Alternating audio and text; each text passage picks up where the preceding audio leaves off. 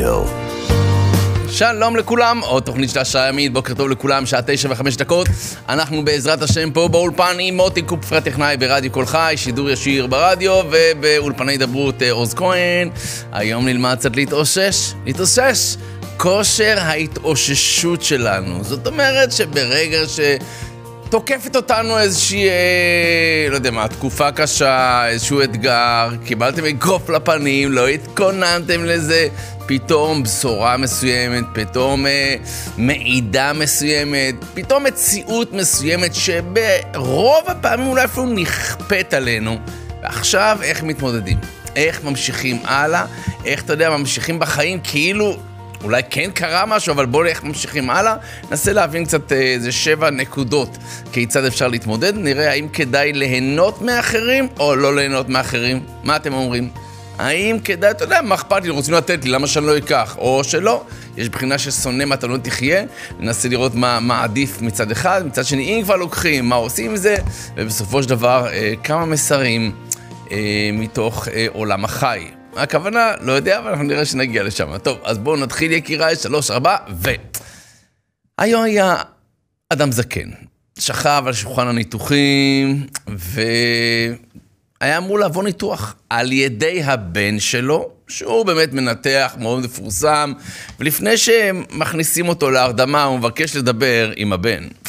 הבן מגיע אליו, אתה יודע, רופא, מנתח בכיר, אומר לו, אבא שלו, אל תהיה לחוץ. בן, תעשה את המקסימום שאתה יכול. רק קח בחשבון שאם משהו יקרה לי, אם משהו פה ישתבש, תזכור, אמא שלך הולכת לבוא ולגור איתכם ועם המשפחה שלך. אז תחשב את זה לפני שאתה עושה מה שאתה עושה. זאת אומרת, אנחנו צריכים משהו שייתן לנו מוטיבציה, נכון? מוטיבציה לעשות את הטוב ביותר שאנחנו יכולים. כי מן הסתם אנחנו יכולים אולי טיפה יותר טוב ממה שאנחנו עושים.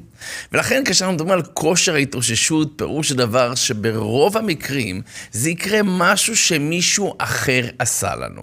מישהו אחר, זה יכול להיות מישהו מאוד קרוב במשפחה, הבעל, האישה, הילדים, ההורים, הסבתא, לא משנה, קרה איזה משהו, מישהו בתוך המסגרת הלימודית שלנו, זה יכול להיות בישיבה, זה יכול להיות בסמינר, בפנימייה, אה, המדריכה שלך אמרה לך משהו, מישהו... מישהו אמר לנו, עשה לנו, ועכשיו צריך ללמוד להתמודד. ברור שהמכה היא כואבת.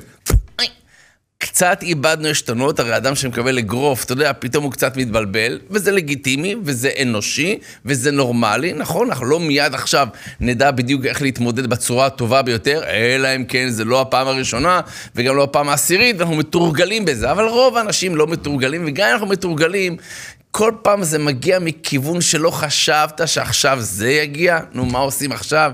חשבתי שסיימתי את הפרק הזה בחיים שלי, נו, מה, מה, הרב, מה? אז בואו נתחיל מנקודה ראשונה, שככל שנזכה להיות יותר עצמאיים, זה לא... זה לא דבר שלילי להיות אדם מעורה בחברה ולהיעזר בחברה, זה לפעמים גם חכם מאוד, אבל לא להיות תלותי בחברה. ברגע שאנחנו תלותיים במשהו, ממילא מה יקרה אם אותו דבר, אותו אדם, או אותו, אותו ביטחון שהיה לי עד עכשיו פתאום ייעלם? מה אני עושה עכשיו? אדם שמאוד תלותי בכסף שלו, אדם שמאוד תלותי בבריאות שלו, במראה החיצוני שלו, בחבר, חברה מסוימת או מסוים שיש לך או יש לך. זאת אומרת, ברגע שאנחנו תלותיים במשהו והדבר הזה נלקח מאיתנו, אנחנו מאבדים מאוד מאוד את השליטה וכדאי מאוד להיזהר. ולכן בואו ניתן לכם מושגים. של חוסר תלות. מה הכוונה? יש גמרא, סיפור בגמרא שאותי קצת זעזע, אני אומר לכם את האמת. אני אקרא לכם את הגמרא, הגמרא מסכת חולין בדף ק"י. הגמרא שמספרת על אדם שם רמי בר דיקולי. זה השם. רמי, הבן של דיקולי, והוא היה גר בפומפידיטה. הוא הגיע לסוריה, הגיע לסוריה, והוא הגיע בערב יום כיפור. ערב יום כיפור, כידוע, יש מצווה לאכול. ורמי שלנו הוא רעב והוא עני מרוד, תכף נראה עד כמה עני מרוד. הוא גם סובל מבעיות קיבה, הוא סובל מהרבה מאוד דברים, והוא מגיע בערב יום כיפור למקום שהוא איננו מכיר, אולי הוא לא מכיר לפחות אנשים ספציפיים, ועכשיו כל התושבים זרקו את הכ... הקל של הבהמות שלהם. יש חלק, איבר בבהמה, הדד של הבהמה, שנקרא כחל, ויש נוהגים לא לאכול, והם זרקו את זה, מכיוון שזה בשר עם חלב, אז זרקו את זה רחוק, והוא הלך ואכל את זה. הוא אכל את הכחל. עכשיו, באותו מקום נהגו לא לאכול את הדבר הזה, וראו אדם דתי, דתי, עם כל הכבוד, עם זקן, אוכל אה, כחל, אוכל את הדבר הזה. טוב, הביאו אותו לרב, לרב חיסדא. אז רב חיסדא שאל אותו, הרי במקום שלנו לא נוהגים לאכול את הדבר הזה, למה אכלת? אז הוא אמר, אני מגיע מהמקום של רב יהודה, ששם כן אוכלים. הוא אמר, נכון, אבל ברגע שאתה מגיע למקום חדש, אז אתה מקבל על עצמך את החומרות של אותו מקום. זה שאתה אצלך, על פי רבי יהודה, אוכלים את זה חזק וברוך, אבל פה אתה לא יכול לאכול. הוא אמר, נכון, אתה צודק, אני אכלתי את זה מחוץ לתחום. זאת אומרת, אני יצאתי מהתחום של העיר. לא אכלתי פה באמצע הרחוב והרבצתי פה על האש כחל. לא, אני יצאתי מחוץ לתחום. זאת אומרת שלא הייתי במתחם של העיר. הוא אומר, בסדר, מאיפה היה לך שם עצים? אה, מאיפה לך שם עצים? אז הוא אומר, מצאתי חרצנים של ענבים ואני הבערתי אותם. לא היה לו מנגל חשמלי, חביבי, או אתה יודע, מנגל כזה שאתה יכול אה, עם הגז. לא, הוא לקח חרצנים, ובלית ברירה, אתה יודע, התחיל לנפנף שמה, ואכל את הכחל הזה. אז הוא שואל אותו, רגע, אבל אולי החרצנים זה של הרי יין, אז אולי זה יין נסך? אז הוא אומר, לא, זה עבר אה, י"ב חודש, אולי זה גזל, לא, הבעלים התייאשו, נותן, כל דבר נותן פתרון. הוא אומר, אבל אני רואה שאתה לא מניח תפילין. כנראה באותה, באותו זמן הם היו נוהגים ללכת תפילין כל היום, אז הוא אומר לו, אני סובל מבני מעיים, יש לי בעיות בקיבה, אז הוא לא יכול להיות עם התפילין, הוא צריך, סליחה מכבודכם, שירותים וכדומה כל הזמן. הוא אומר לו, למה אין לך ציצית גם? תשמע, תפילין אני מבין, מה, מה עם ציצית? אז הוא אומר, הבגד שיש לי הוא שאול, לא שלי. מילא תעלית שאולה עד 30 יום לא חייב ציצית. תקשיבו, אני עוצר שנייה. הבן אדם הזה מסכן מכל כיוון אפשרי.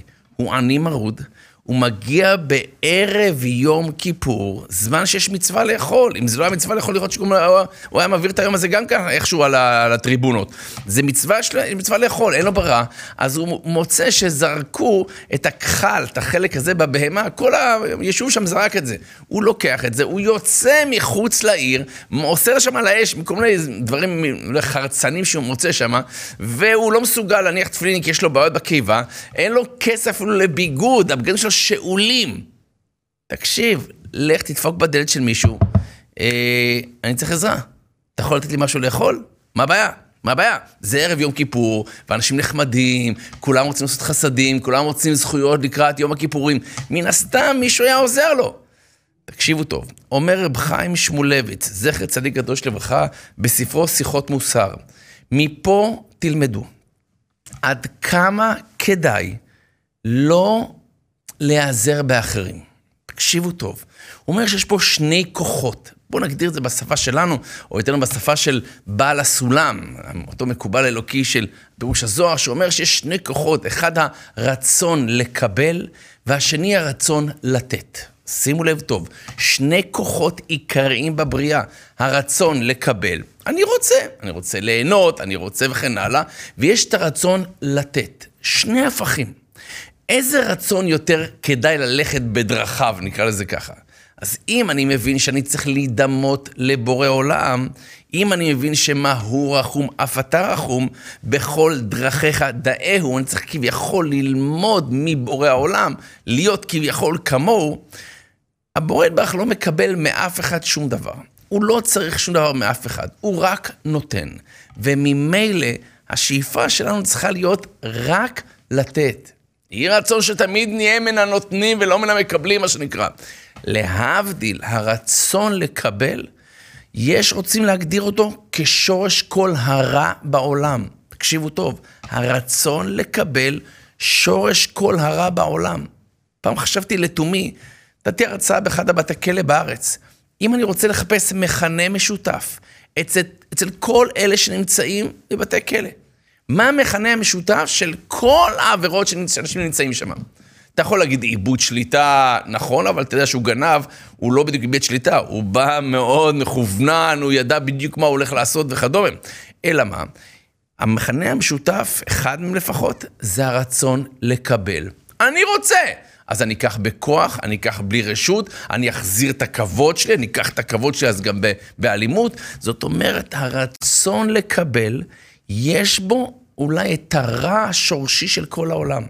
ולכן ברגע שאני מקבל ממישהו, אני אוטומטית נגוע במושג הזה של הרצון לקבל, אני רוצה, בא לי, תביא לי.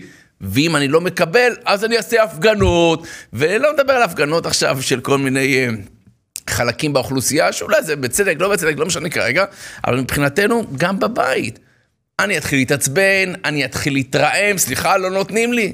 דור של ילדים שגדלים, אתה יודע, שמגיע להם כמעט הכל. אני אומר כמעט, כי בואו נפרגן להם, מה שנקרא, אבל מרגישים, מגיע להם, קצת אני לא מקבל, או קצת יעירו לי, או קצת נוגלים באיזה נקודה רגישה, ועוד אומרים לי מה אני צריך לעשות, מה, אני יורד מהדרך עוד רגע, אוקיי, כבוד הרב, סליחה, מה קרה? התרגלנו בעצם לקבל, בהמשך הספר שם בהמשך המאמר שלו אומר רב חיים שמואלביץ דבר קצת מפחיד, והוא אומר כך, על זה נאמר בגמרא, מסכת אה, בבא בתרא, שלעולם יזכיר את אדם את עצמו לעבודה זרה. וואו, לעולם יזכיר אדם עצמו לעבודה זרה ואל יצטרך לבריות. אז מדגישים לא כאן עבודה זרה במושג של אמונה ואלילים וכדומה, אלא עבודה שזרה לא. זאת אומרת, לא כדאי להצטרך לבריות משום כיוון. אפילו תעשה עבודה שהיא זרה לך, היא לא מתאימה לך, נו מה, אני, אני אשטוף רצפות, אני אעמוד, אני, אני אתדלק בדלק, נו באמת, באמת, לא שייך. לא, אדרבה, לעולם יזכיר אדם עצמו לעבודה זרה, אבל יצטרך לבריות. כדאמר לרב כהנא, נטוש נבלתא בשוקה וש, ושקול אגרא. זאת אומרת, כמו שאמר רב כהנא, פשוט נבלה בשוק, אתה יודע, תמכור נבלות, אם שצריך, מה אני אעשה? אני מוכר את האור פה, מוכר את השיניים שלהם מצידי.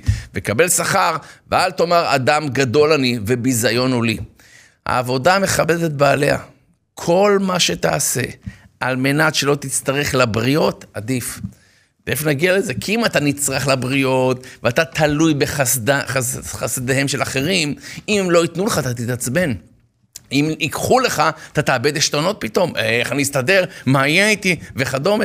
אנחנו רוצים ללמוד כושר התאוששות, וגם אם קרה מה שקרה, אז אנחנו רוצים לדעת איך להתאושש. דבר אחד אחרון, והוא מסיים וכך, ולא עוד, אומר חיים שמואלביץ, זכר צדיק קדוש לברכה, אלא שהלוקח דבר מזולתו, קונה בנפשו תכונה של לקיחה והנאה על חשבון הזולת.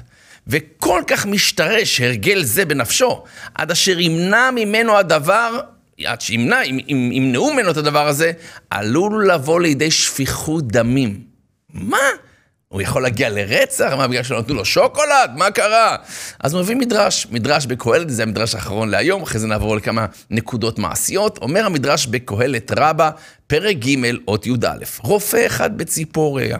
היה רופא בציפורי, והיה בידו שם המפורש. תראה איזה רופאים היו פעם, מה שנקרא. הוא קודש קודשים, הוא יודע את השם המפורש. יודע להגות אותו, מה שהכהן הגדול, הוא יודע, אותו רופא ידע את זה. עכשיו הוא הרגיש שהוא עוזב את העולם הזה, הוא הולך למות, והוא רוצה להעביר את זה למישהו. אומר המדרש, לפני מותו, רצה למסור אותו לאחר. אמרו לו, ישנו כאן אחד, תקשיב, יש פה איזה רב, מה זה צדיק? מה זה צדיק? רבי פנחס בר חמא שמו. השם שלו, רבי פנחס. והוא ראוי לכך. שלח אחריו, אמרו תקראו לבן אדם. אני מוכן להעביר לו, אם הוא באמת כזה צדיק, אם הוא כזה קדוש, אני מוכן לתת לו את השם הקדוש, אבל יש לי איזה תנאי אחד, אני רוצה לבדוק אותו. שאל אותו, מגיע אליו אותו רבי פנחס בר חמא ושואל אותו הרופא, תגיד לי, אני מצטט, כלום לקחת דבר מימיך מיהודי אחר? תגיד לי, אתה, אתה השתמשת פעם באיזה יהודי? לקחת פעם משהו ממישהו אחר? אמר לו, כן. לקחתי מעשר. לא שתגיד לי עכשיו שנוררתי, אני בכלל לקחתי מעשר. לא הסכים הרופא למסור בידו את השם המפורש, אמר שמא יבקש דבר מה אצל אחד. תבינו את הסיבה שהרופא לא נותן לאותו צדיק, או אדם תמיד חכם, את השם המפורש. אמר שמא הוא יצטרך משהו ממישהו, מהבריות, והלל לא ייתן לו, ויכעס עליו ויהרגנו. מה? מדובר פה על בן אדם שהוא ברמה רוחנית מאוד גבוהה. ורק בגלל שהוא השתמש במישהו קצת, לא יודע, לקח ממנו מעשרות וזה, אז הוא כבר, הוא יכול להגיע לרצח? מה אתה מגזים? אז כנראה שלא. אם הגמרא, אם המדרש מספר לנו, יש פה שיעור עבורנו, ורב חיים שמואלביץ מביא את זה כמאמר שלם אצלנו בפרשה, להיות מסוגל לא להיות תלוי באף אחד. מביא את זה לאברהם אבינו. כאשר ביקש מלך סדום לתת לו את כל הרכוש, אברהם אבינו ניצח במלחמה, ארבעה מלכים, קח את כל השלל, תהיה מולטי מיליונר. לא. אומר אברהם אבינו, הרימותי ידיי אל השם כל עליון, אם איכות ועד שרוך נעל, אם אקח מכל אשר לך. לא רוצה כלום, אל תביא לי שרוך של נעל. למה? הוא רוצה לתת לך, מה אכפת לך? תשפר אותו, תזכה אותו, תזכה אותו. זו נקודה מאוד חשובה, כן עדינה, כי כולנו נעזרים באחרים, אז איך כן נעזרים? ואם לא נעזרים, איך מתמודדים עם קצת נפילות בחיים? כל זה ועוד, אחרי הפסקה קצרה, וכבר חוזרים. תתארו לעצמכם גמר גביע המדינה בכדורסל, מכבי תל אביב מול הפועל תל אביב. התוצאה היא 89 מכבי, 88 הפועל. עשר שניות אחרונות למשחק. נקודה אחת הפרש, מכבי תל אביב. המאמן של הפועל לוקח אותנו לשיחת מוטיבציה, לפסק זמן, לוקח ריאל בשער, ואומר, חבר'ה, נשארו עשר שניות, אוקיי, התאמנו כל השנה לרגע הזה, אני רוצה לשחק טקטיקה עכשיו, בסדר? הטקטיקה היא כזאת, עולים למגרש, אברהם אתה מקטע כדור מעביר ליצחק, יצחק מעביר למשה, ומשה אתה לוקח את הזריקה, משה אתה לוקח את הזריקה, הכדור בפנים לקחנו את המשחק, אלא משה, אתה עולה למגרש, היי! והם עולים למגרש, עשר שניות אחרונות, הכדור אצל יצחק, יצחק מקטע כדור מעביר לאברהם, אברהם עם הכדור כבר שמונה שניות, שמונה כדור, אברהם ליעקב, יעקב עם הכדור כבר מקטע את הכדור, כבר חמש שניות, מעובר למשה, משה בכדור, משה זרוק, משה זרוק, ארבע שניות, משה זרוק, משה מתלבט, מתלבט, מעביר לאברהם, אברהם זורק, ומחטיא, הפועל הביתה, יופי. מישהו אמר לי, את זה אצלו בבית. מה זאת אומרת? הוא ואשתו, הוא הפועל והיא מכבי. טוב, הפסידו. המאמן של הפועל לוקח להם פסק זמן למטה, אומר להם, כולם תתקלחו, משה בוא לפה, משה בוא לפה. אומר לו המאמן של, של הפועל למשה, משה למה לא זרקת? למה לא זרקת? אומר לו המאמן, אני... אני התרגשתי. אומר, מה התרגשת? מה, אתה ילד קטן? אומר לו, אני אגיד לך את האמת המאמן? לא האמנתי שאני מסוגל לקחת את הזריקה הזאת. אמר לו המאמן, תקשיב לי טוב, אני מאמן כבר 30 שנה. אם אני בחרתי בך, מכל השחקנים, לקח את הזריקה, סימן שאני מאמין בך, להבא. גם אם אתה לא מאמין בך, תאמין בי שאני מאמין בך. רצ... רב צדוק מלובלין, בספר שלו פרי צדיק בפרשת שמות, אומר, כמו שאדם צריך להאמין בבורא עולם, הוא צריך להאמין שבורא עולם מאמין בו. תבין את זה, בורא עולם מאמין בך, הוא מאמין בך. אל תישבר, אל תתרגש גם לא מעצמך, אתה מסוגל. קח את הזריקה הזאת, תאמין שהכל אפשרי. בהצלחה.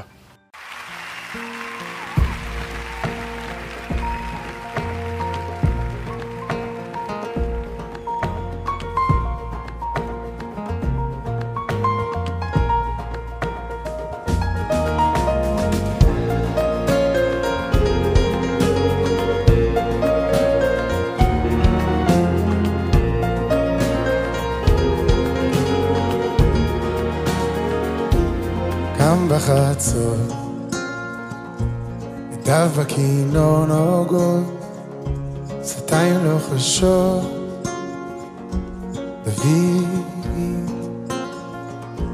יודע לנגן, יודע גם להילחם, עדין וגיבור, דוד ודוד עבדי השיא להם. לעולם,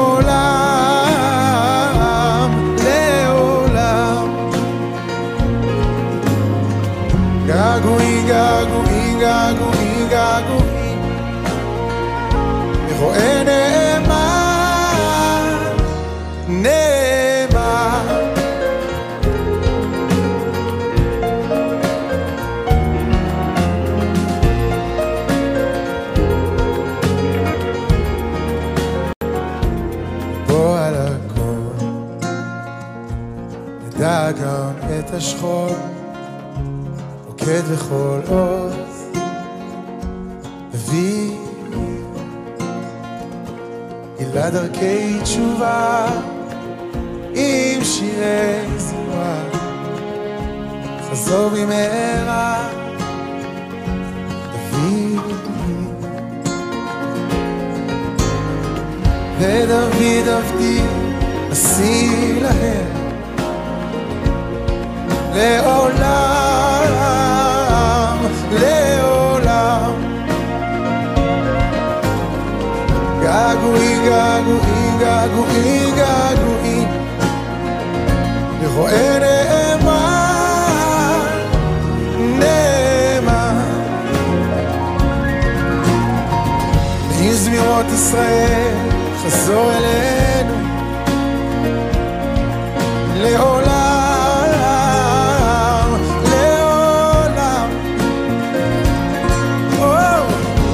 guri, ga, guri, ga, guri, ga.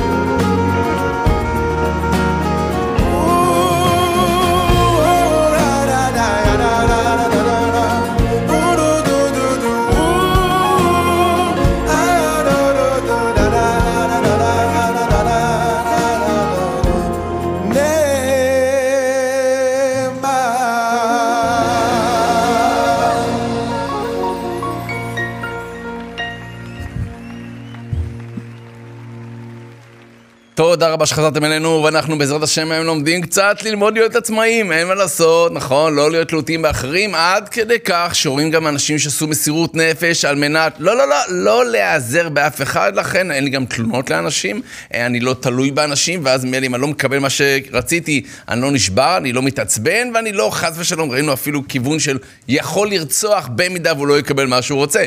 איי, אבל כן אנשים נעזרים, אנשים אחרים.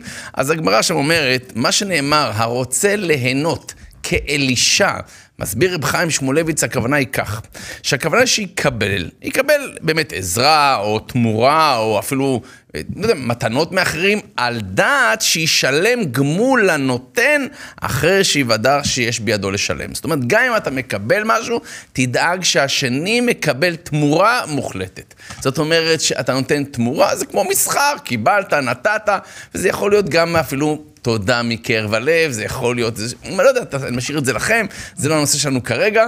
אה, גם מחמאה, נכון, אבל מחמאה צריכה להיות במקום, זה לא כמו שאיזה בעל אחד אמר לאשתו, ממי, תגידי, מה את אומרת? אני שמן? אומרת לו, בוא נגיד זה ככה, אתה הגדול מכולם. אוקיי, זאת אומרת, לפעמים אה, צריך לדעת גם איך להחזיר ואיך לשמח ולחזק אנשים אחרים. אבל בואו ניגע לכמה פרטים מעשיים, כמה שהזמן יאפשר לנו, איך באמת משפרים את כוח ההתאוששות שלנו. נקודה ראשונה, קרה מה שקרה, תנסו למצוא משמעות במה שקרה. למצוא משמעות פירוש דבר, יצרו איתי קשר מארצות הברית, איזושהי אישה שלא על אף אחד מישראל, הבת שלה, בת ה-13, נהרגה בתאונת דרכים על ידי נהג שיכור.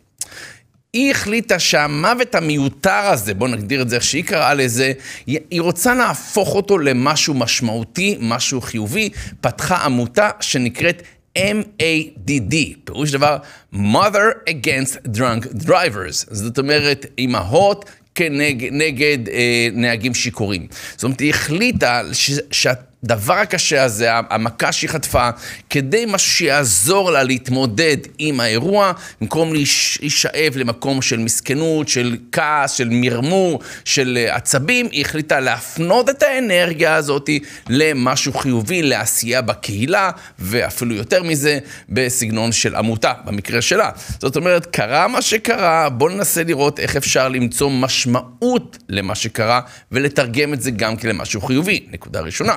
נקודה שנייה, שיש אתגרים קצת אה, כואבים, נקרא לזה, תאמינו ביכולות שלכם. כשאני אומר תאמינו ביכולות שלכם, פירוש תאמינו ביכולת שלכם להתמודד. חבר'ה, חבר'ה, אני אספר לכם על עצמי, בואו נהיה אמיתיים עכשיו. אני, למה אני אספר לכם על ה... למה זה הנושא שאני מדבר עליו היום? אני בדרך כלל מדבר מרכשי ליבי. גם אני קצת התמודדתי עם משהו, אתמול יש לי אתגר מסוים, ו... ואתה יודע, בשלב מסוים קצת אה, זה ערער לי את הביטחון העצמי קצת, לא, לא עד כדי ככה, אבל אתה יודע, קצת הרגשתי שהאדמה קצת רועדת מתחת לרגליי, שמתי אוזניות בשלב מסוים, שמתי מוזיקה, מהאלה, אתה יודע, שנותנות מוטיבציה, מה שנקרא. והרגשתי, תקשיב, זה לא המלחמה הראשונה שלי בחיים, ברוך השם, אנחנו מלומדי מלחמה. כמו שעברתי בעבר, אני אעבור ואתמודד גם עכשיו. אני, לא אני אישית, כן? אדם הוא צריך להרגיש, להרגיש אני לוחם. אני מסוגל להילחם, אני מסוגל לעבור את זה. בעזרת השם, אחרי כל חושך יש אור. תאמינו ביכולות שלכם, וכמובן, אמונה פשוטה שהקדוש ברוך הוא לא מעמיד אדם בניסיון, אלא אם כן יכול, לעמ... יכול לעמוד בו. ולכן, תבדקו את הקולות הפנימיים שלכם. יש בתוך כל אחד מאיתנו קולות פנימיים שיכולים להגיד לנו, אתה לא יכול, אתה לא מסוגל, תראה מה קרה, הלך עליך, מה יהיה בהמשך, מי ירצה אותך. עם כל הכבוד, תאתגרו את המחשבות האלה ותחליפו אותן לקול פנימי חיובי יותר, מוסרי יותר ואופטימי יותר. וזה יעביר אותנו לדבר השלישי, שבואו נגדיר את זה, לאמץ גמישות. האנשים החסינים יותר, קוראים לזה גם באנגלית resilience, באנגלית ככה קוראים לזה, זה גם כושר ההתאוששות או חסינות. הם לומדים פשוט מאוד להיות גמישים. אל תהיו מקובעים. ברגע שאתה מקובע, אתה מאוד מאוד עקשן, אתה מאוד מאוד, אתה יודע, מרובע, שקצת יש סיבוב, אתה נתקל ואתה מקבל מכה וחבל. תהיה גמיש, תלמד הסתגלות. זאת אומרת, להסתגל למצב חדש גם, למציאות חדשה. בסדר, אנחנו נתמודד איתה, נסתגל אליה, ואדרבה. האנשים שיש להם את הכושר ההתאוששות הזאת, ברגע שהוא חווה חוויה לא נעימה, הוא בסך הכל רואה פה הזדמנות לכיוון חדש. תקשיב, הלכנו עד עכשיו בכיוון מסוים, היה טוב, פחות טוב, זה לא משנה. כרגע קרה משהו שגורם לנו, לווייז הפנימי שלנו, להגיד חישוב מסלול מחדש, בסדר. בואו נהיה סקרניים, בואו נהיה אולי מופתעים, זו הזדמנות לשינוי בחיים, ויהי רצון שיהיה גם שינוי חיובי. אז אמרנו למצוא משמעות, אמרנו להאמין, להאמין ביכולת שלנו, ואמרנו אה, לפתח גמישות. דבר רביעי, נא להישאר אופטימיים.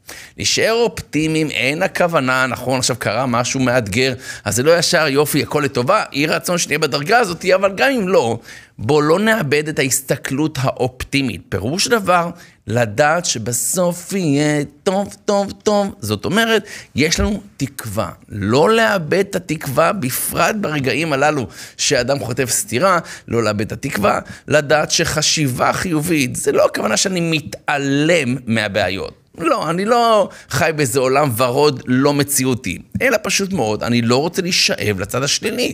אני רוצה להישאר חזק באמונה שלי, רוצה להתחזק בביטחון בקדוש ברוך הוא, רוצה לפעול נכון, אבל אם אני לא אשאר אופטימי, יכול להיות שאני אפעל ויעשה מעשים מתוך ייאוש, מתוך כעס או תסכול, וזה לא יביא אותי למקום טוב. אז כאשר אני אומר להישאר אופטימי, פירוש דבר להישאר עם ההסתכלות, להסתכל על העתיד, ובעזרת השם, בידיעה האמיתית שכל קושי הוא זמני.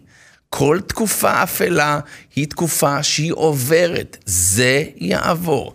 זה יעבור ויעביר אותנו לדבר החמישי, שתעשו מעשים. רק לשבת ולחכות, מה שנקרא, שהמשיח יגיע, זה יפה.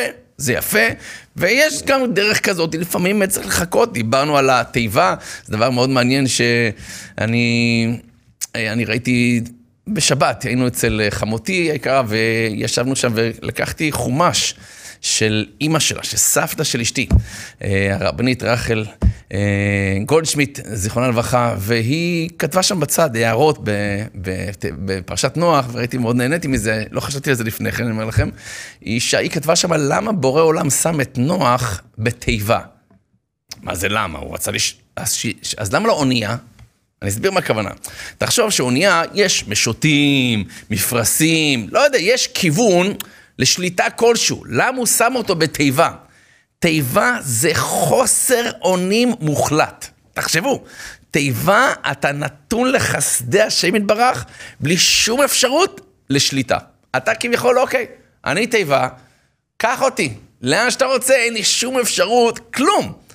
אלא זו הייתה הנקודה והשיעור החשוב עבור נוח, וגם עבור כל אחד מאיתנו, כגמול עלי אמו, נכון? כתינוק. אז לדעת, כמו שנוח היה בתיבה, עם חוסר אפשרות לשליטה, לך תדע, אולי הוא ייתקע באיזה עצים, בהרים, לא יודע מה זה, הוא נתון לשליטת הגלים, זה מאוד מפחיד, זה אפילו לא, לא יודע מה, כלום, זה לא צוללת, שום דבר. אלא לדעת שאני תלוי בקדוש ברוך הוא, תנו לו להוביל, תנו לו לנווט, אבל אומרים שנוח לא חיכה עד שהתיבה תיקח אותו, הוא בנה תיבה. זאת אומרת, תעשו מעשים. לעשות מעשים, פירוש הדבר, אני אומר עוד פעם, לחכות שהמבול יעבור, יש גישה כזאת, לפעמים גם צריך להשתמש בה. בעיקר אם אין מה לעשות. אבל אם יש מה לעשות, אז תעשו. ברגע שאתם תעשו מעשים, זה ייתן לכם בראש ובראשונה קצת הרגשה של שליטה, וזה חשוב. עוד פעם, בתיבה העבודה הייתה עבודה של חוסר שליטה, אבל בחיים אולי אפשר כן לשנות. למה לשבת חיבוק ידיים? למה לשבת בבית ולחכות שאולי זה ישתנה, ואולי זה לא ישתנה, כי זה מחכים לך להשתנות, שאתה תעשה משהו. קום ותבדוק, מה אני יכול לעשות? אמרתי לכם, תתמקדו בפתרונות, לא בבעיות.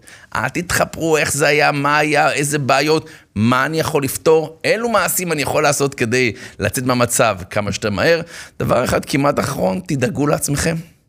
במצב של משבר, לפעמים אתה שוכח, את שוכחת את עצמך. שוכחים לאכול, שוכחים לישון, שוכחים להתקלח, אה, לעשות פעילות ספורטיבית, שיעורי תורה, להבדיל וכן הלאה.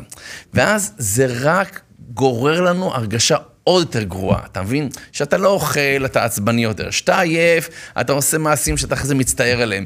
שאתה לא הולך שיעורי תורה, אתה מרגיש גם שאתה לא בסדר, ואתה מבין, בראתי לך יצרה, בראתי לך תורת תבלין, יצרה אוכל אותך חי.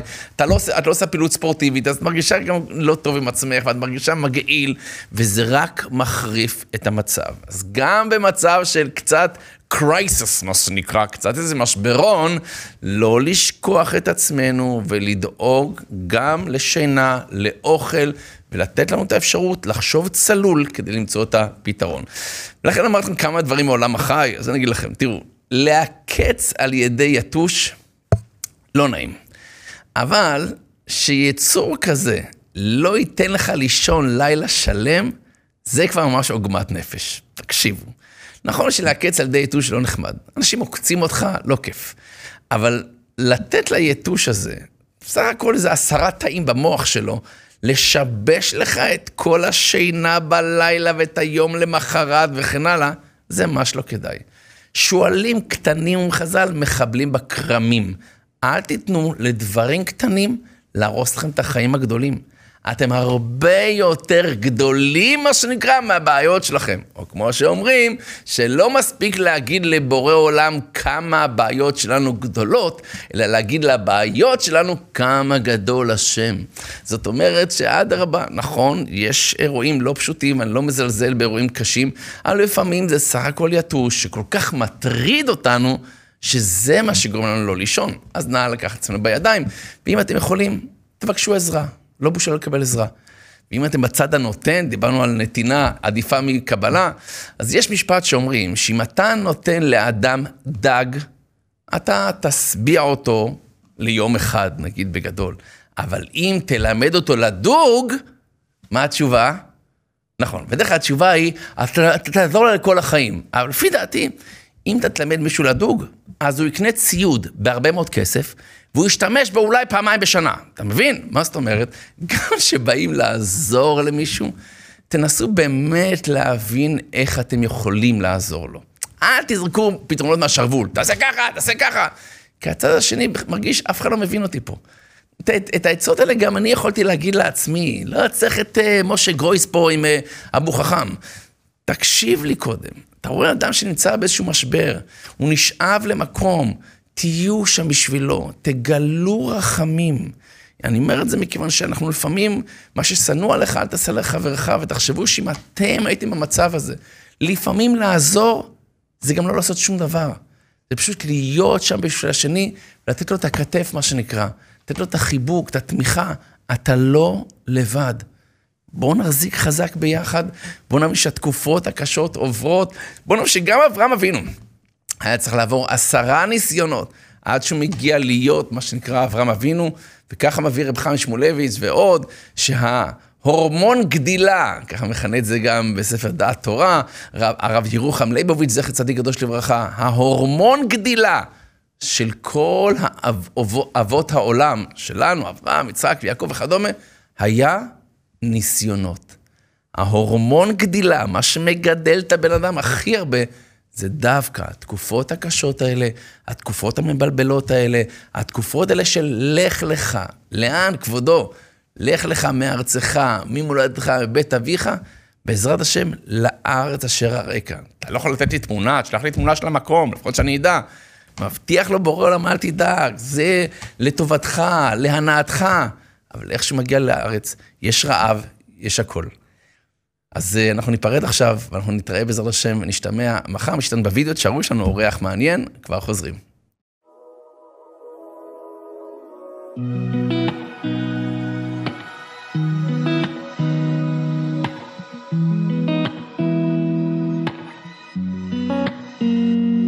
זה מרגיש כמו הפעם המיליון חוזר אליך עם פנים בקרקע שוב אומר את אותן המילים מתנצל את אותם השבילים. איך נפלתי פעם אחר פעם? איך אכזבתי אותך בגדול? הבטחות ומילים שאמרתי היו כרשומות על החול. והאשמתי את כל העולם תירוצים, הסברים יש כמו ים. האמנתי לעצמי וקיוויתי בליבי שתסלח. כי אני רק בן אדם אני טועה פה ושם מבקש שתבין חדרי לב תבחין שתזכור גם בעין שערה שאני רק בן אדם. אור נודד בעולם מנסה להעיר לפעמים קצת מבעיר מכבה ומתחיל מחדש רק בן אדם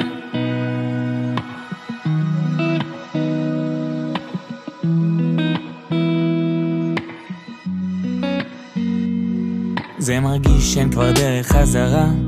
צלקות גדולות שלא יגלידו יש מילים שאינן נמחקות כאלף ואחד עדים יעידו. שנפלתי פעם אחר פעם שאכזבתי אותך ויותר. אבל גם אם תפנה לי את העורף לעצמי אני לא מוותר. לא אאשים עוד את כל העולם אם אפול תוך דקות אני קם מאמין שוב בעצמי, מקווה בכל ליבי שתסלח. כי אני רק בן אדם, אני טועה פה ושם, מבקש שתבין, חדרי לב תבחין, שתזכור גם בעין שערה, שאני רק בן אדם, אור נודד בעולם, מנסה להעיר, לפעמים קצת מבעיר. מכבה ומתחיל מחדש, רק בן אדם.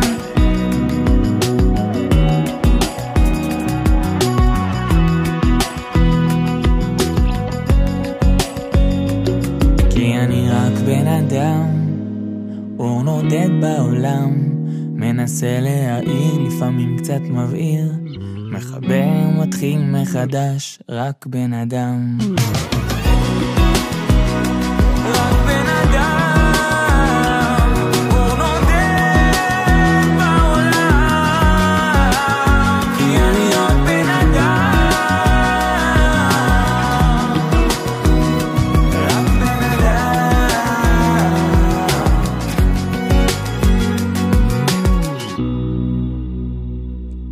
תודה רבה שחזרתם אלינו.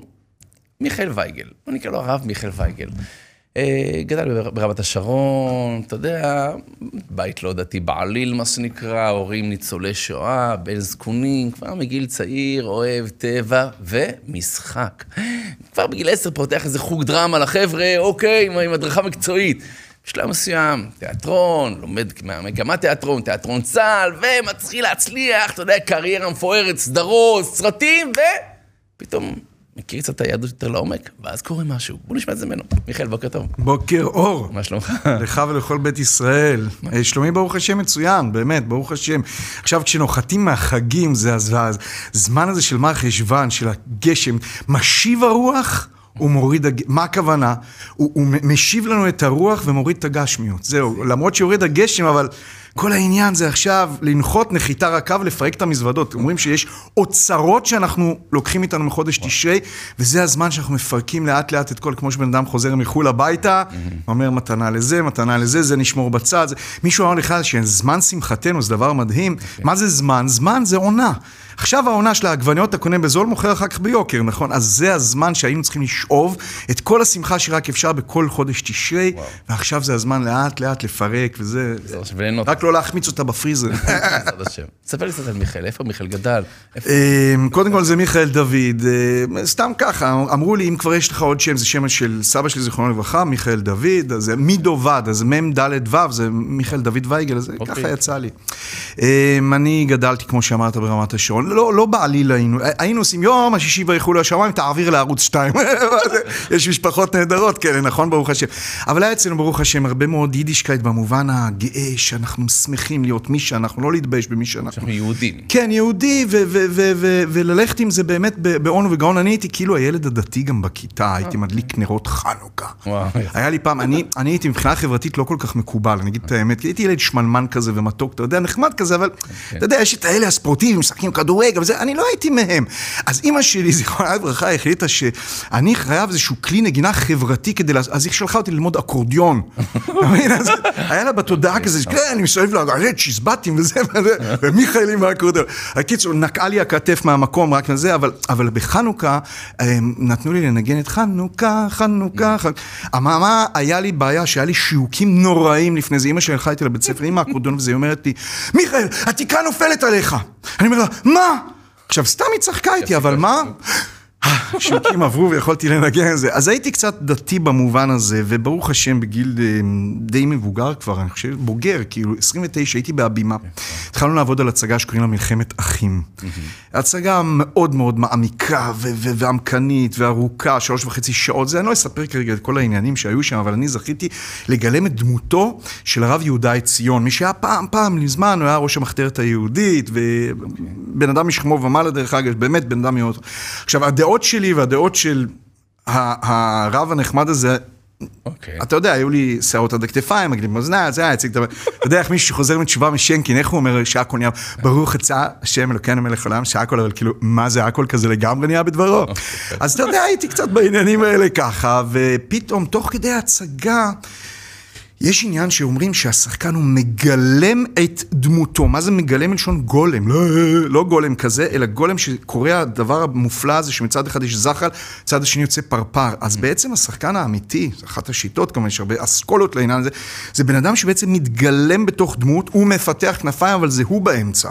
זאת אומרת, ה- ה- הסינתזה, ההרמוניה הזאת בין הדמות לבין השחקן צריכה להיות מושלמת, כדי שהקהל יאמין לך. כי בכל שקר יש... חייבת להיות, כמו שרש"י מלמד אותנו, טיפה מהאמת. ואז בעצם כל כך נכנסתי לדמות הזו, ואמרו לי, וייגל, תיזהר, זה... אתה עושה את זה טוב מדי.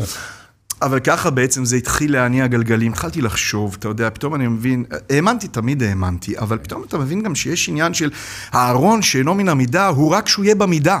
אתה לא יכול לצפות לניסים ונפלאות אם אתה לא עושה לזה כלי.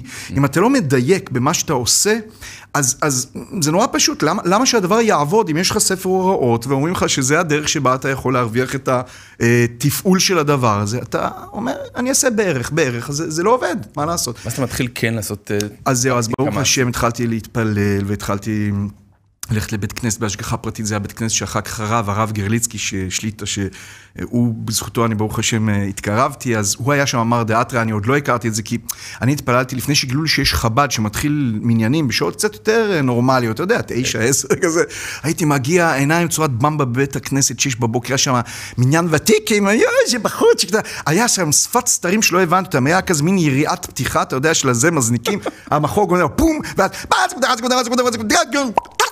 ברחו, לאן הם ברחו, חבר'ה, מה קרה? ואני יושב, יושבי ותכף, וכל הדמעות, אתה יודע, באמת הייתי מאוד מרוגש. ולאט לאט ככה, השגחה פרטית בלי כל קשר לזה, באמת, זו מגילה מדהימה, אתה יודע, לכל אחד מאיתנו, לך לך, זה הלך לך של כל אחד מאיתנו. אז פתאום מרים אליי במאי שניווטתי אותו בצבא, טלפון, שמע, יש איזשהו כנס בהיכל התרבות, פעם מישהו אמר שצריך לקרוא לזה היכן התרבות, אז זה עניין של השקפה, לא, לא, לא ניכנס לזה. אז הוא אמר, "היכל- היכל התרבות, יש כנס ענק של נשות חב"ד. לא יודעת מה זה, לא. אוקיי. מה אני צריך לעשות? ואני צריך לקרוא סיפורים על מסירות נפש של נשות ישראל. סבבה, אין שום בעיה, אבל יש בעיה קטנה, תצטרך לבוא עם כיפה וז'קט. אוקיי. הופה. אמרתי, אבל כבר אין בעיה, אני קצת בעניינים. מה? וייגל, אתה נורמלי? מה קרה לך? אתה, למה? לא, אל תדאג, אני לא חוזר בתשובה, אני מתחזק, חוקר את השורשים, אתה יודע, וזה, זה. ואז הגעתי לשם, הייתי בהלם תרבות גמור, אתה יודע, אולם מלא מפלפל, ומלא עגלות, בלאגן, וזה. עכשיו, מאחורי הקלעים ישבו מלא רבנים כאלה, אתה יודע, כמו כמו שאנחנו בעצם עכשיו. זה. והייתי, אז קורא המון סיפורים מהבעל שם טוב הקדוש. הייתי בטוח שכל אחד מהם מינימום הבעל שם טוב, אם לא יותר, זה היה נראה לי מחדים ייחודיים, מכוונים כוונות, אולי סתם דיברו על החשבונות בנק דואר שלהם, אני לא יודע מה הם עשו שם. אבל אחרי המופע ניגשתי לבמאי, אמרתי לו, רוני, תסדר לי שיחה עם אחד מהבעל שם טובים האלה. אז אומר, אני אגיד לך את האמת, אני רק עובד פה. אתה מכיר את אלה שאומרים, לא, אבל אתה יהודי, מה זה, אתה לא מכיר את זה.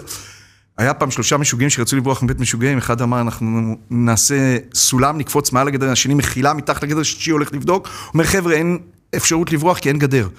זאת אומרת, הכל בראש שלנו, ואז אני, אה, הוא אומר לי, דבר עם הרבנית גרליץ, כאילו זה היה נשמע לי סיני קצת, זה. דיברתי איתה, היא אומרת לי ככה וככה, תן מספר טלפון, סדר, זה היה יום חמישי, יום שישי בבוקר, טלפון, הזמינו אותי לקידוש וזה, זה סיפור מאוד מאוד ארוך ומדהים. וואו. ומה אני אגיד לך, אני מגיע, ואני רואה את הדוסים האלה, יושבים לך שם, בקומה רביעית, בתל אביב, למטה,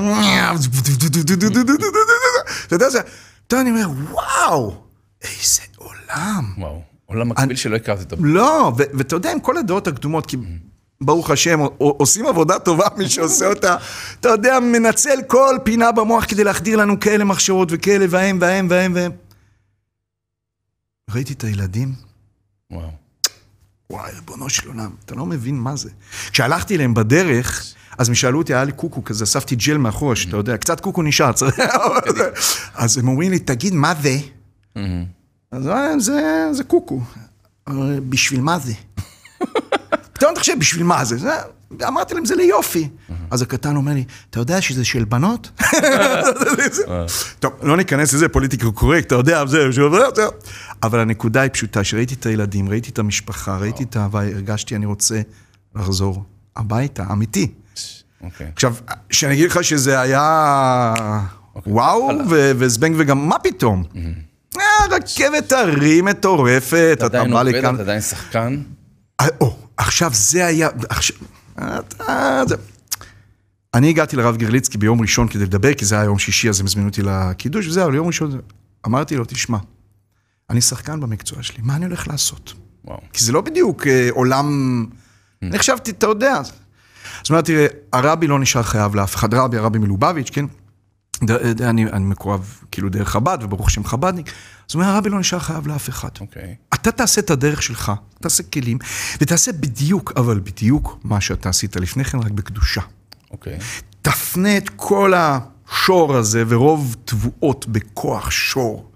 כשלבן אדם יש כישרון, וזה לא משנה במה, זה באמת לא משנה במה. כל אחד מאיתנו, ויתאב המלך יופייך, פרק מ"ה בתהילים, המלך רוצה את היופי של הנשמה שלך, שלך. זה כל אחד עם היופי, יתאב המלך יופייך, לא של מישהו אחר.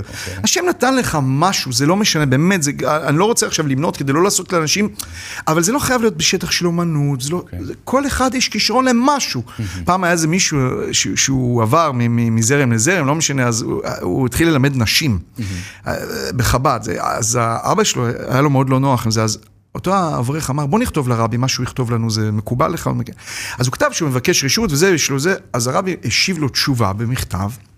שהוא אומר, בוודאי אם הכל נשמר בגדר הצניעות וכולי, והוא נשוי כמובן וכולי, זה זה, ואדרבה, שידוע שנשים פטפטניות הן, ולכן השיעור שלך, לא רק שיישאר שם, אלא יעבור לעוד הרבה הרבה הרבה. לקחת את התכונה שנראית לנו פטפטנות לכאורה. מה, מה טוב בפטפטנות? ציפי ציפי ציפי זה. לא. זה הכישרון שלך, אתה יודע לדבר, אתה יודע לכתוב, אתה יודע... מה שיש לך, זה... זה השור שלך. אוקיי, אז עליו אתה תרתום. את המחרשה ותצא לדרך אנחנו לה- בפרשת לעצמך. לך לך. ויש לך משהו שקשור לזה. האמת היא שבהבימה היה תקופה ארוכה שהרב גליצקי אמר לי תישאר, אוקיי. אבל זה כבר לא הלך. אתה יודע, הייתי, הייתי מפלח פאות מהפעניות כדי לעלות עם כיסוי ראש, זה היה מצחיק כזה. זה. הייתי מגיע באיחור אחרי ההבדלה, עושה הבדלה. ב... הם התחילו כבר להרגיש שאז בפרשת לך לך, קרא לי הבמאי אילן רונן, אמר מיכאל, תשמע, אני, אני באמת, באמת, באמת, אני מאוד רוצה להשאיר אותך, אבל אנחנו הולכים לכיוון פרויקט שהוא בזוגיות וכאלה, ואתה יודע, זה לא שייך. אז אה, לך לך. אז זה היה פרשת לך לך, תשנ"ט. איך אתה מרגיש באותו רגע? אתה יודע, זה, זה פיטורים, זה כל הקריירה שלך פתאום, לאן, לאן הולכים מפה? תראה, הרב פנגר, אני אגיד לך את האמת, אתה דיברת קודם על ניסיונות. ואמרת הורמון גדילה, דיבר, דיברת על, ה, על, ה, על הזרז הזה, על ה, על, ה, על ה... זה מכה. כי, כי האגו שלנו הוא אגו, אנחנו בני אדם. נכון. והבימה זה הבימה. סוג של... פעם מישהו אמר לי, איפה אתה עובד? אמרתי לו, בהבימה, הוא אומר, הבי... מה? אז זהו, שאמר- אמרתי לו, לא שם זה הבימה, ככל שיותר גדול זה... אבל אתה מקבל איזושהי מכה שהיא כמו, מישהו אמר לי פעם על דרך משל, ה- אימא ציפורה שדוחפת את הגוזל החוצה מהקיבה. וואו. אני מסוגל, נכון? חטפתי פה מכה מהענף ונפלתי לא טוב, ופתאום בא איזה חתולה אז אני צריך לרוץ. אבל אוקיי. זה- מזיזים אותך מהמקום וזה משמיים, ואני, ברוך השם, הייתי גם במצב כזה שהיה לי לאן ללכת. ואז התחיל בהשגחה פרטית בלתי רגילה, אני מדבר איתך לפני 22 שנה, 21 שנים בערך. כל ה... נקרא לזה התעשייה הקולנועית החרדית, אה, גרובייס ויגאל אושיאר ניצוצות של קדושה, ועוד אה, אה, הרב מרדכי גל, זיכרונו לברכה, שעשה כמה סרטים, סרטי מופת יפהפים, ועוד כל מיני מפיקים ובימאים ופה ושם, ו... היי, וייגל, היי, וייגל. וואו. ותאמין לי, באמת, באמת, באמונה אני אומר את זה, אני, אני לא רוצה חס וחלילה לשמוע כאילו, חבר'ה, try it at home, I did it. לא, I did nothing. אוקיי. קודש ברוך הוא לוקח אותנו, ואנחנו צריכים לעשות את עצמנו לכלים. וואו. וכל העבודה, אבל כל העבודה, לכל אורך הדרך היא ה-give and take, המשחק הזה, הבלתי רגיל, בין האגו, שאנחנו צריכים לבטל אותו, לעשות מעצמנו כלי, לברכתו יתברך. בכל הכוחות האפשריים להיות איש משפחה, כי, כי מה, מהקצת שאני, ברוך השם, מטייל כאילו ב, באנושות, כשאתה קם בבוקר ובבית לא בסדר, אז, אז לא בסדר. וזה, וזה לא משנה, ולא סתם כתוב שכל הברכה שלנו מהאישה ומהבית ומהילדים וזה. והיום ברוך הוא וברוך שמו, אתה יודע, אני גר בכפר חב"ד עם uh, משפחה, בלי עין רעה. כבר אחרי 50 סרטים, סדרות, הפעות, כן. אה, עבודה עם ילדים, אה, מאחורי הדבש, כל הילדים מכירים. עכשיו אתה עומד עם פרויקט חדש, נכון? הצגה שקשורה להתמכרות? מה? כן. נפגשתי בהשגחה פרטית עם מישהו, לא משנה כרגע מה שמו, כי זה חלק מה, מהסיפור שלו, והוא בעצם שאל אותי, הוא אמר, הוא, אמ, יש מרכז גמילה מאוד גדול, ריטורנו, שנמצא באזור בית שמש, והוא אמר לי, אנחנו חייבים להרים פה כפפה מאוד כבדה. וואו. אני מאוד מאוד רוצה שנצא לדרך להרים הצגה על כל נושא ההתמכרות. אז יש לנו דקה אחת, מה היית מסכם את ההצגה הזאת? מה המסר שיוצא ממנה? הנ- הנקודה היא לפתוח גם את הציבור שמעד כבר, אוקיי. וגם את הציבור שהוא על הסקאלה, אוקיי. כי אני מאמין שכל אחד מאיתנו באיזשהו מקום הוא מכור למשהו. אוקיי. הבעל שם טוב אמר, חולת אהבה אני, חולת אהבה אני, כן? פעם מישהו בא לרבי, אמר, you're crazy.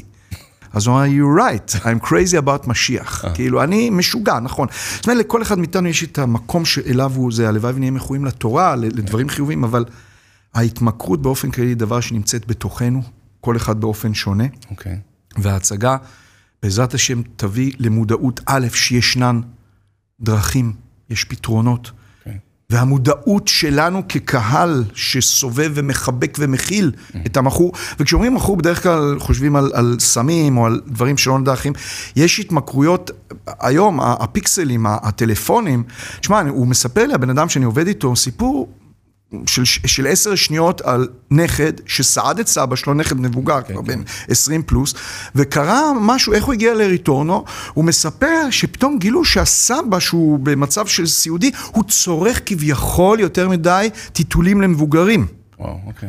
ניסו להבין למה. מה גילו? שאותו הבחור, הוא יושב יום ולילה מול מחשב, והוא לקח טיטולים כדי שהוא לא יפסיד זמן להתפנות. אתה מבין? אני אומר לעצמי, ריבונו של עולם. עכשיו, זה הנוער שלנו היום בטלפונים ובמחשבים וזה, זה ה... אז יש תקווה, אתה אומר, וכן אפשר לצאת מזה, וכן אפשר אה, לקבל מידע, ויש את המידע הזה בחוץ, ובהצגה זה יומחש. כן. הייתי רוצה להמשיך איתך יותר, מיכאל. מה, זהו? תם זמננו?